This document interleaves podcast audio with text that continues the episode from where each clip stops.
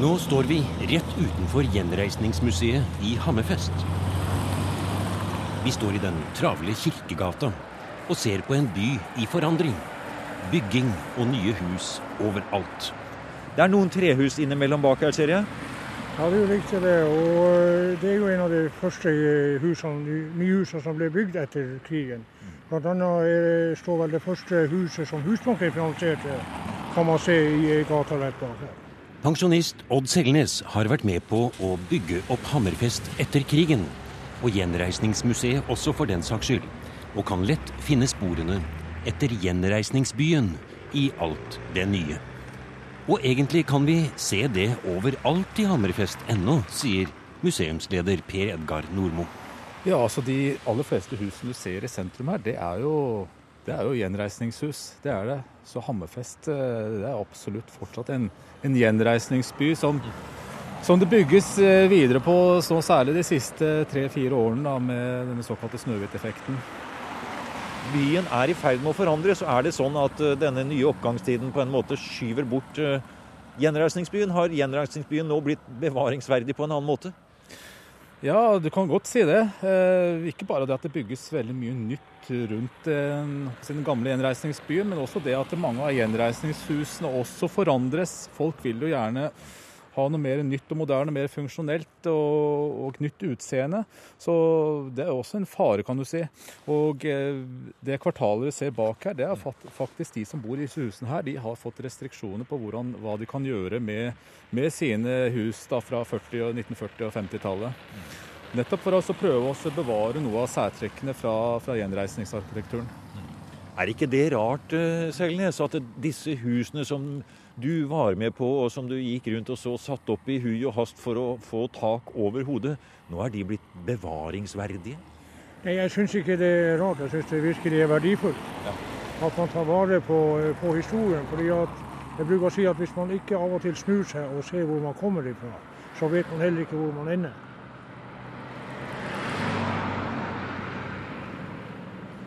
Og du vet jammen hvor man kommer fra her i Hammerfest, for du var jo da Var du syv-åtte år når uh, denne store hendelsen i Hammerfest by skjedde, at byen ble brent ned?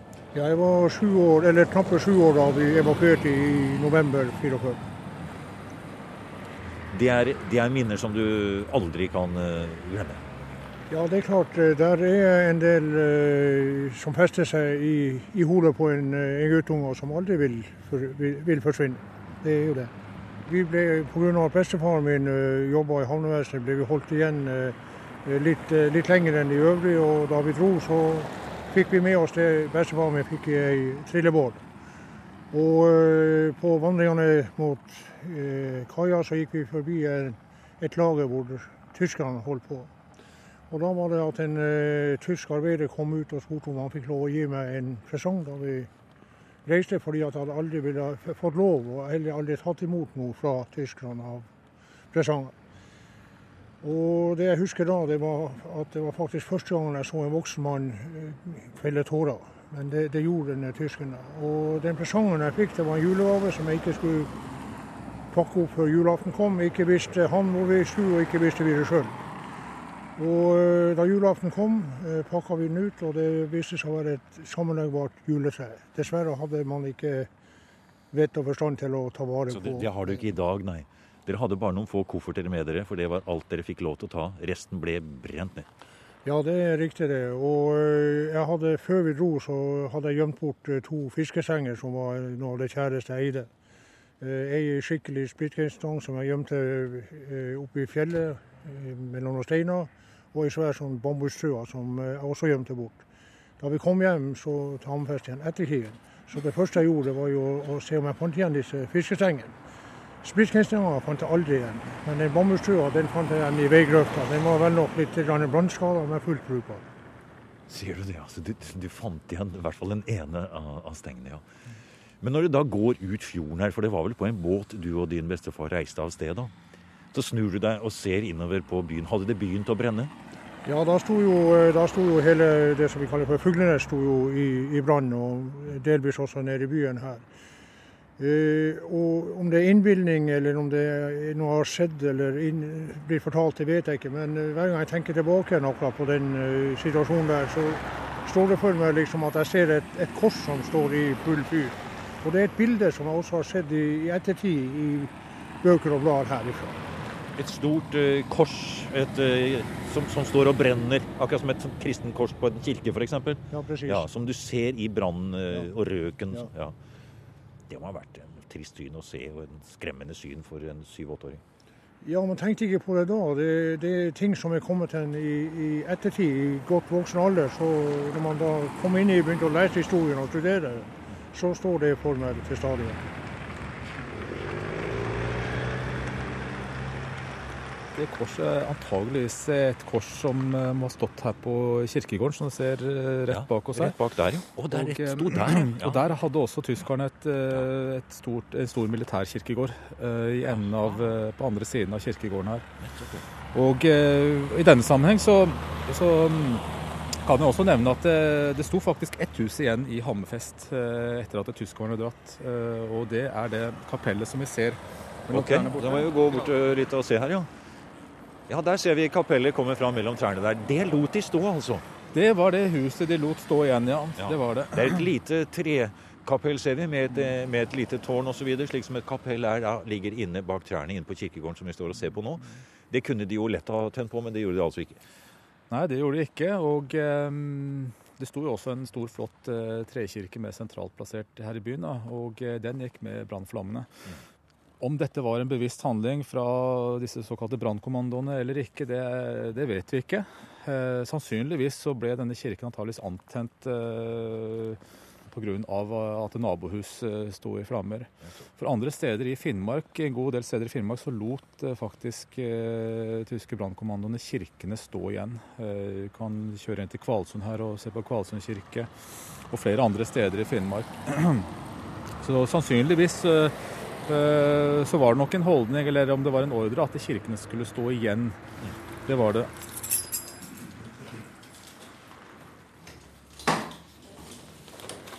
Inne i Gjenreisningsmuseet blir vi møtt av en moderne utstilling hvor lydeffekter, design og lyssetting viser den nære historien om hvordan det moderne Finnmark gjenoppsto fra den brente jords taktikk.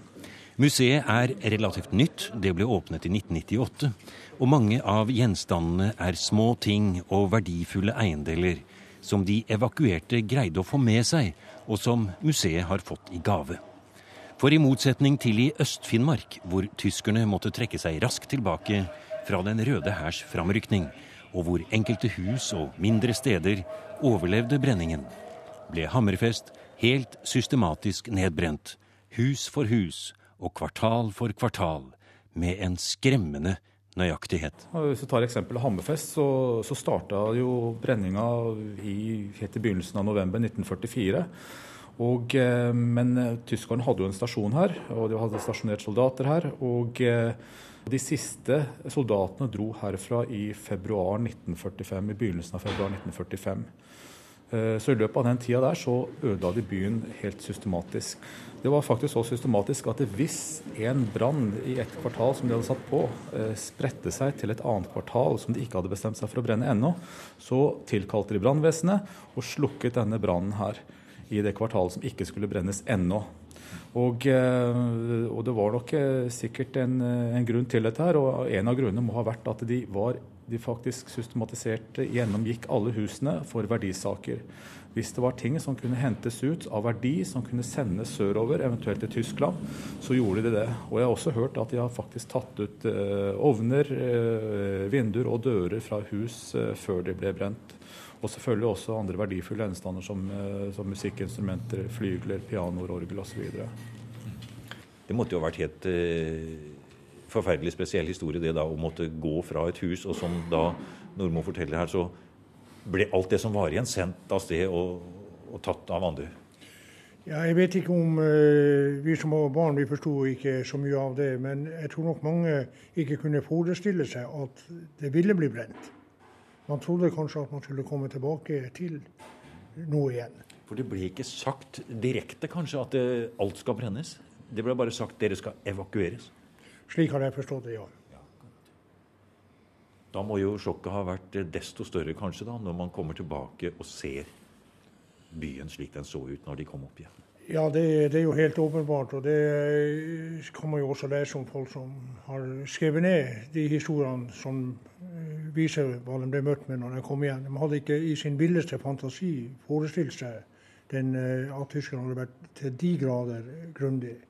Og personlig var jeg jo ganske tidlig tilbake igjen her og det jeg husker mest, det var faktisk at var, jeg syns ikke det var en bakke igjen i byen. Alt var flatt.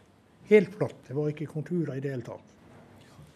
Man kan jo godt uh, si det sånn at, uh, at, det var et visst uh, humant aspekt ved dette her. Da. At, at når alt materielt skulle ødelegges, så, så, var det jo ikke levelig for folk her. Men uh, antagelig så var det også flere andre grunner til at man, uh, man evakuerte sivilbefolkningen. Og uh, antageligvis tyskerne og Hitler personlig mente at Nord-Norge det var et skjebneområde militært sett. Faktisk så trodde han det nesten gjennom hele krigen. Og, var, og, Han fryktet jo at de allierte skulle foreta en, en stor, gigantisk landgangsoperasjon i Nord-Norge, og da kanskje spesielt her i Finnmark. Eh, for å da å starte en større offensiv eh, mot, eh, mot de tyske, styrkene. Og, og tyske militære hadde erfart at en sivilbefolkning det var også et grunnlag for geriljahærer og spionvirksomhet. Så jeg tror også det var et aspekt som tyskerne tok hensyn til når de, når evakuerte sivilbefolkningen. Og Dessuten så, så, var det sikkert også et, eh, en slags eh, politisk vurdering, dette her. For dersom da de allierte kunne få da den norske, lovlige norske regjeringen som, eh, som, som satt i London, over hit, så ville dette her vært et eh, enormt kan du si, propagandanederlag for, for NS-regimet, som, som, fortsatt satt uh, trygt i Sør-Norge.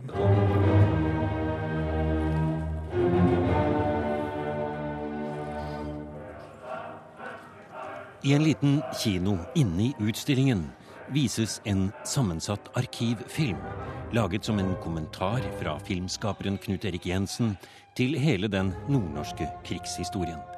I filmen er det også enestående arkivmateriale som viser trehusbebyggelsen i Finnmark slik den var før krigen. Her ser vi grunnmurene som står igjen. Alt er nedbrent. Ja. Honningsvåg utslettet. Kaier som er ødelagt. Og her ser vi da gamle Hammerfest, altså førkrigshammerfest. Et livlig, livlig handelsby mm. med spennende trearkitektur. Og så da Det samme stedet, men alt er flatt. Ja. De gjør også et sterkt inntrykk at museet legger stor vekt på at Finnmark til alle tider har vært et flerkulturelt samfunn. Innvandring fra Finland, Nord-Sverige og Russland, i tillegg til norske nybyggere og den samiske urbefolkningen, hadde helt siden midten av 1800-tallet skapt helt spesielle samfunn langs kyst, fjord og innland. Dette fikk også den tyske krigsmaskinen merke da evakueringen skulle gjennomføres i 1944, sier konservator Bente Nilsen. Det var veldig mange samer som unndro seg evakuering. Det går jo også noen historier om hvordan de lurte tyskerne. Eh, og det var jo også sant, at det ble sådd tvil om de var norsk lojale. Men det fortelles også historier hvor de eh, hadde tyskerne hadde jo mangel på kjøtt, hvor de da skulle bringe reinflokken til et angitt sted til tyskerne. Men de dro motsatte veien. Og klart, og de var jo vant til å klare seg. Så for dem eh, i det hele tatt, det var vel ikke noe alternativ å evakuere. Og det fortelles også historier fra Porsanger, hvor folk eh, sa at de var samer for å slippe å bli evakuert det er noen sånne historier også. Så jeg vet ikke om tyskerne så på dem mer sånn ut ifra den gamle raseteorien at de, de var lavere stående. Sånn. Det var ikke så nøye med dem. Men det var store forskjeller også blant tyskere der også. Men det var jo også slik at det var mange norske norske som, sier, som bodde her i, i, byen, som også da rømte ut av f.eks. Hammerfest. Og det samme skjedde vel også mange andre steder langs kysten, som skulle brennes.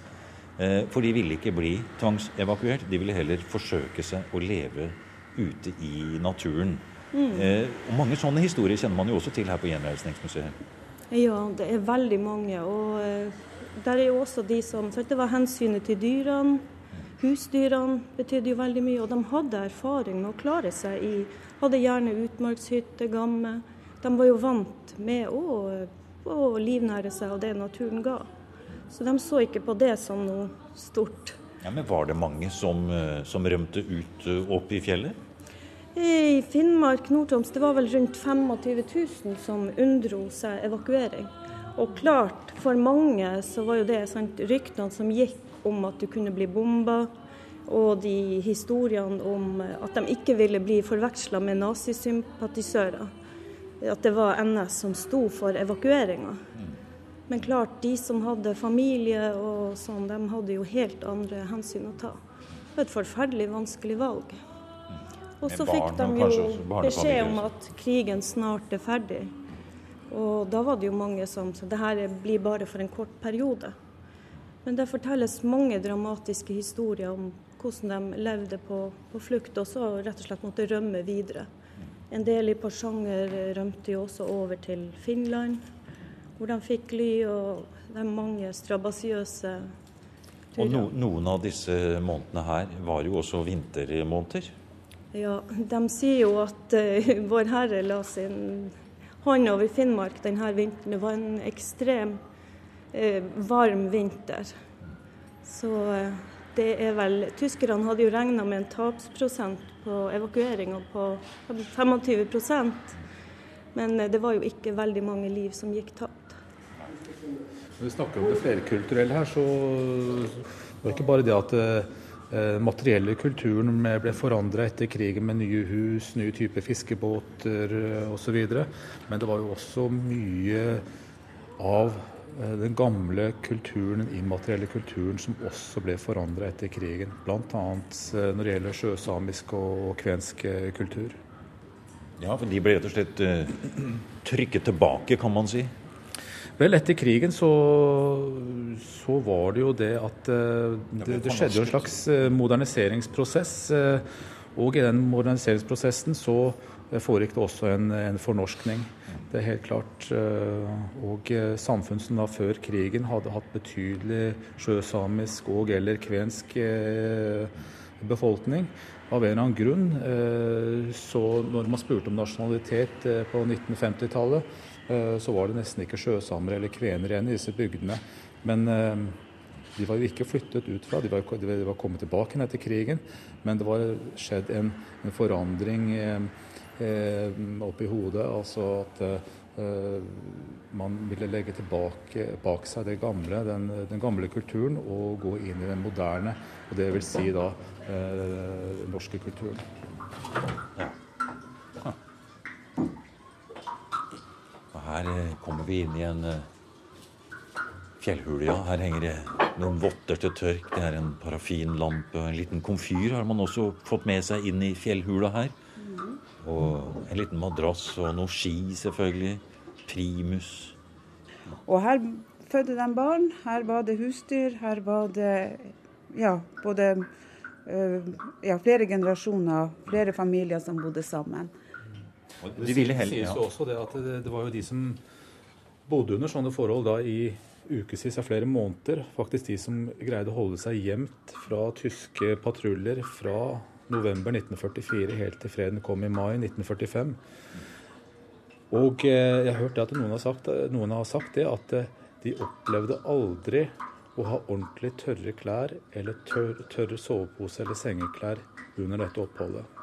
Hele tiden var det fuktig.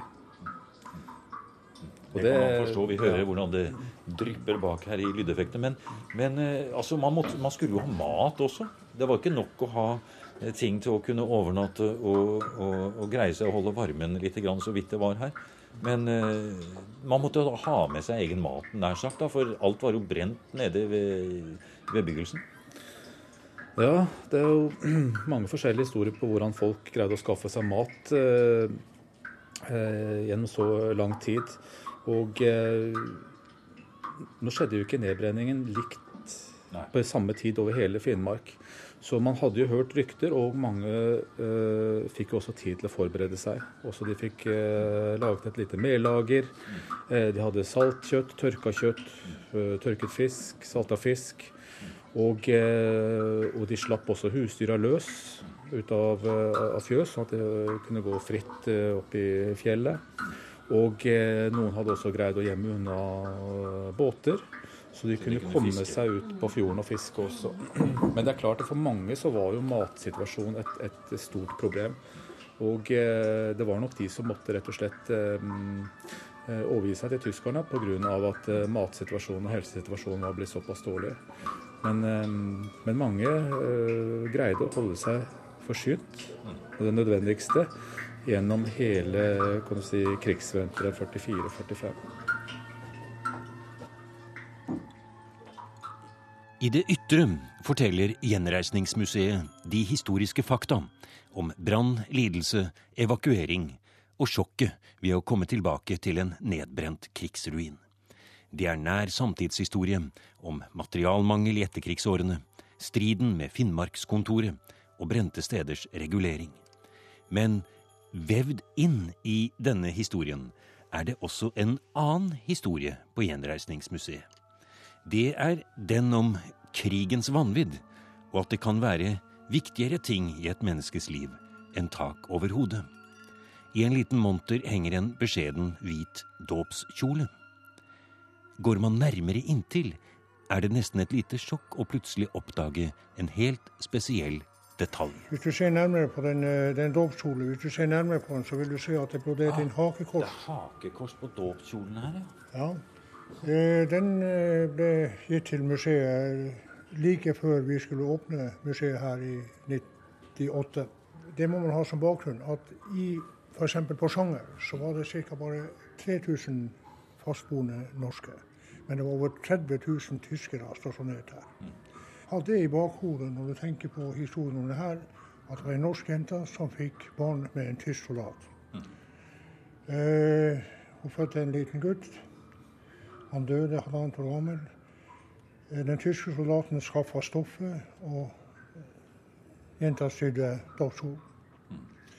Eh, det var jo den gangen ei skam. Den norske frigjøringshæren som kom fra London og frigjorde Finnmark, klepte jo håret ut av disse jentene som at med Tyskland. Det var deres frigjøringskamp. Men denne altså da unge jenta som da bar dette barnet til dåpen i en hvit, flott kjole som henger her med hakekors brodert inn. Hun tok altså vare på denne dåpskjolen? da? Ja, barnet døde, men hun tok vare på kjolen i alle disse år og kom som sagt hit til museet med den. Og kjærligheten den kjenner ingen grenser, den kjenner ingen politikk. Hva tror du er grunnen til du, Bente, at, at hun tok vare på denne kjolen gjennom alle disse vanskelige etterkrigsårene? Fordi det var et så stort antall tyskere. De, sant, de var innlosjert. De ble vanlige mennesker. Altså, de ble ikke fiendebilder. Så for hun blir jo det her et veldig personlig minne. Altså, det er jo knytta til en person som hun var glad i. Og Så kommer hun da hit til museet med denne kjolen. Det er fordi hun mener at også denne historien hører med? Ja, absolutt. Det er jo det at for henne er jo det her en person som også fortjener oppmerksomhet. Og hun kan jo ikke skjemmes over at hun har blitt forelska i en kjekk ung mann. Men Det er jo fortsatt så tabubelagt at, eh, at giveren vil, eh, vil, være anonym. Det er det. Så det er nok eh, fortsatt et sårt tema i norsk historie. Jeg syns det er helt uh, fantastisk. Uh, jeg syns det er en fantastisk dokumentasjon over hva kjærlighet egentlig kan utrette. Man må så, så får noen andre dømme eller fordømme. Det, det, det, får bli hver enkelt sin sak. Personlig så, så syns jeg det man, man skal ikke fordømme. Altså. Men det gjør et veldig sterkt inntrykk å se akkurat denne dåpskjolen. For uh, Lebensborn-ideologien mm, mm. og det at uh, de barna som ble født, de ble født for Hitler. De ble født inn i Det tredje riket. Og hakekorset er da sirlig brodert inn på denne dåpskjolen. Man kan kanskje til og med tenke seg at hun selv har sittet og brodert dette? Ja, det det, det, blir, det blir veldig sterke følelser involvert her.